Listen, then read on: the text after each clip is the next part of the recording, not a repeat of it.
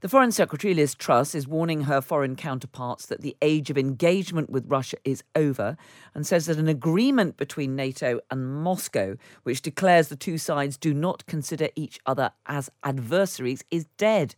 She's at a working dinner with NATO counterparts in Brussels tonight and is expected to call for a new approach to security in Europe. She'll say NATO must toughen its response. Well, NATO's Secretary General Jens Stoltenberg warned that Russian forces are preparing for a renewed offensive in the east of Ukraine. We are now in the critical phase uh, of the war. We see that Russia, are, uh, Russia is moving forces out of uh, the north uh, to re uh, enforce them, to resupply them, to rearm them, and then to move them into the east, where we uh, are expecting uh, a major uh, offensive. Uh, President Putin's aim is to try to uh, control the whole of Donbass and to establish a land bridge between Donbass and and and Russia. Well, the US and the UK have announced a fresh package of sanctions targeting Russian banks, companies, and oligarchs. President Biden said the measures increase the economic pressure on Russia. Civilians executed in cold blood, bodies dumped into mass graves, a sense of brutality and inhumanity left for all the world to see unapologetically. There's nothing less happening than major war crimes. Responsible nations have to come together to hold these perpetrators accountable.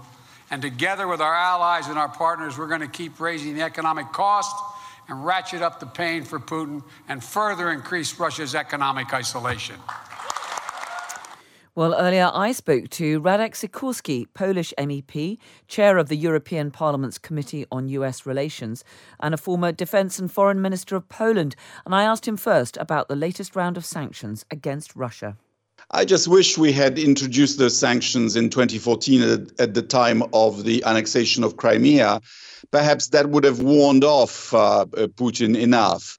Uh, I personally introduced uh, sanctions on the relatives of. Uh, uh, of these um, uh, leaders, and it was explained to me at the time, "Oh no, that's illegal." Well, they found a way to make it legal, obviously, and we should have done it then.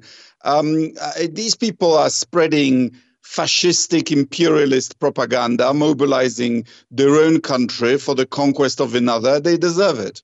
Liz Truss, the British Foreign Secretary, is tonight uh, at a meeting of NATO foreign ministers. Um, she is saying that the age of engagement with Russia is over, and she's calling um, for an agreement between NATO and Moscow, which says the two sides do not consider each other as adversaries, um, to be scrapped. She's saying it's dead. Well, I think she's right that uh, for years, uh, for the last three decades, we tried to engage Russia. You know, IMF assistance packages, admitting Russia into the WTO, into the Council of Europe, into the G7 um, you know, some so called realists say, oh, if only we'd been nicer to the Russians, they wouldn't have made this nasty turn. Well, it's not true. We made every effort, but Russia just feels she has the God given right to invade and dominate uh, neighboring countries, and that calls for deterrence. Uh, changing borders by force on the pretext of um, uh, protecting national minorities is something that caused two world wars, and it's verboten and it shouldn't be allowed anymore. Do you think that NATO should be prepared to send more and heavier and more lethal weapons to help Ukraine in its battle against the Russian forces? A peaceful democracy, Ukraine, has been uh, attacked um, by a larger neighbor um, without giving provocation. So, absolutely, Ukraine has every right to defend itself, and we have every right to supply it. Uh, uh, uh, all the weapons in the inventory. We are not going to go into war with Russia for Ukraine, but short of that, um, we should help Ukraine um, win this. And I just hope it happens fast enough so that Ukraine has a chance. And we know that the EU is also considering further sanctions, including um, further moves to reduce its reliance on Russian energy. Um, do you think that the EU has been sufficiently swift in imposing these sorts of actions? Clearly, it's difficult for some co- countries, such as Germany, which are very dependent on Russian gas. Uh, has the EU been sufficiently re- robust on this? I think the West has pulled together remarkably, and the EU has done really well.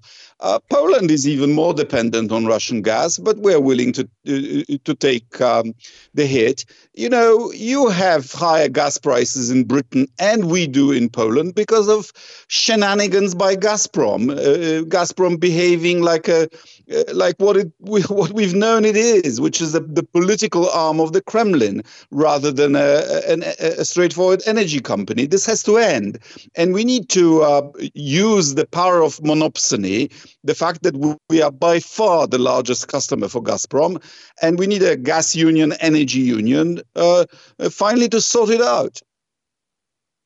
Your prime minister, Mr. Morawiecki, was very outspoken in his criticism of President Macron, who, of course, has been keeping open channels of communication with President Putin. I mean, do you, do you agree with him that he, he shouldn't be doing that, or do you think it is best to keep open the possibility of dialogue and hopefully the search for some more peaceful solution? I agree that he shouldn't be doing it, but for completely different reasons. Um, first of all, when Putin smells defeat, he will find a channel to communicate that he wants peace. Uh, but the reason Macron shouldn't be uh, doing it is because we've pledged ourselves in the Lisbon Treaty to conduct foreign policy together. So it should be the president of the council, Michel, and the high rep of the EU uh, doing it. On principle, uh, there's nothing uh, against diplomacy with enemies you know, diplomacy is not only about talking to friends. Um, and in addition, we understand that President Macron is fighting an election campaign against a Putin admirer, uh, uh, a, a, a, French um, proto fascist, uh, Mrs. Le Pen. What about the approach of NATO? Um, there's been a lot of talk about the importance of NATO unity. But I mean, Poland was prepared, for example, to send MiG fighters to Ukraine, which was essentially blocked by President Biden. I mean, do you think the US president has perhaps been a bit too cautious? I think it was un- unfortunate that the idea leaked out. And of course, it's, difficult to put together this particular deal because MiGs are our principal fighters. And we are a frontline state now, and we can't really afford to uh, uh, get rid of one third of our air force. So Poland, I think, quite sensibly demanded some strengthening of the skies over Poland if we were to do that. And so this three sides deal um, collapsed, unfortunately. So, do you think NATO is now doing enough to support states like Poland, which, as you rightly point out, are pretty much there on the front line with that large border adjoining Ukraine? Well, the only real capability that NATO possesses are the AWACS planes, and they are being used, and I think to to some good effect because uh, Ukrainians at least have um, a, a, battle space awareness. Uh, looks like actually better than the Russians. Other than that, it's decisions by NATO member states. Uh, just like in the EU, whether or not to send weapons is a national decision. And I just hope that we will do it quickly so that uh, Ukraine can counter the coming next offensive. Yes, uh, Jens Stoltenberg uh, and other world leaders have been warning that they believe that Russian forces are simply regrouping for another major offensive, this time on the east of Ukraine. Do you think that is something uh, that Russia is now preparing for? Well, Putin has lost the war to conquer all of Ukraine. Uh, he is now fighting to um, grab some territory. And um, this will put the Ukrainian positions uh, on the old line of contact in some jeopardy. They're trying to do a pincer movement from the south and the north. Um, and so it's, it's getting a bit precarious, particularly if Mariupol were to fall. But what we have seen in recent days is the evidence of the atrocities uh, carried out uh, pretty clearly by Russian troops in places like Bucha and other towns and cities uh, close to Kiev. Um, I mean, do you think these do amount to war crimes, and shouldn't they result in a in a real step change in the approach of NATO, as Liz Truss has been talking about tonight? Well, they're clearly war crimes. Uh, uh, some people are talking of uh, even of genocide, and I think that's premature. But clearly, there are war crimes, and those responsible should and I think will be brought to justice because we already have quite a lot of evidence. Remember the shooting down of the Malaysian uh, uh airliner with uh, mostly Dutch people? Well, within weeks, we found out exactly who ordered it, exactly who did it. And I think it'll be the same this time and then of course there is a responsibility for for those who started this unprovoked war you know starting a war is a crime against humanity there are, we we have uh, um, the Hague, we have the UN. Uh, Ukraine has put itself under the uh, jurisdiction of the Hague Tribunal. These crimes are taking place in Ukraine, which means that uh, Russian officials are, are liable even and including President Putin himself? Well, he clearly ordered the unprovoked war, so absolutely he's responsible for everything that happens in Ukraine.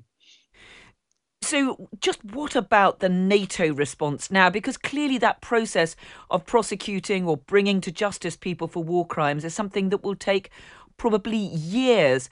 Shouldn't there be a swifter and more immediate response from NATO? Uh, short of actually going to war with Russia. Uh, there are other options. We could be exercising uh, in Norway, in the Baltic states, uh, in Alaska, to draw Putin's uh, forces away uh, from uh, Ukraine. But remember, Milosevic or Karadzic didn't expect to face justice either. But eventually, power uh, changed hands in Belgrade, and eventually, uh, those who wanted to burnish their democratic credentials found it expedient to hand over these, these individuals. I hope the same happens in Russia. Well, that was Radek Sikorski, Polish MEP, chair of the European Parliament's Committee on US Relations, and a former Polish foreign minister, speaking to me just a little earlier here on Times Radio.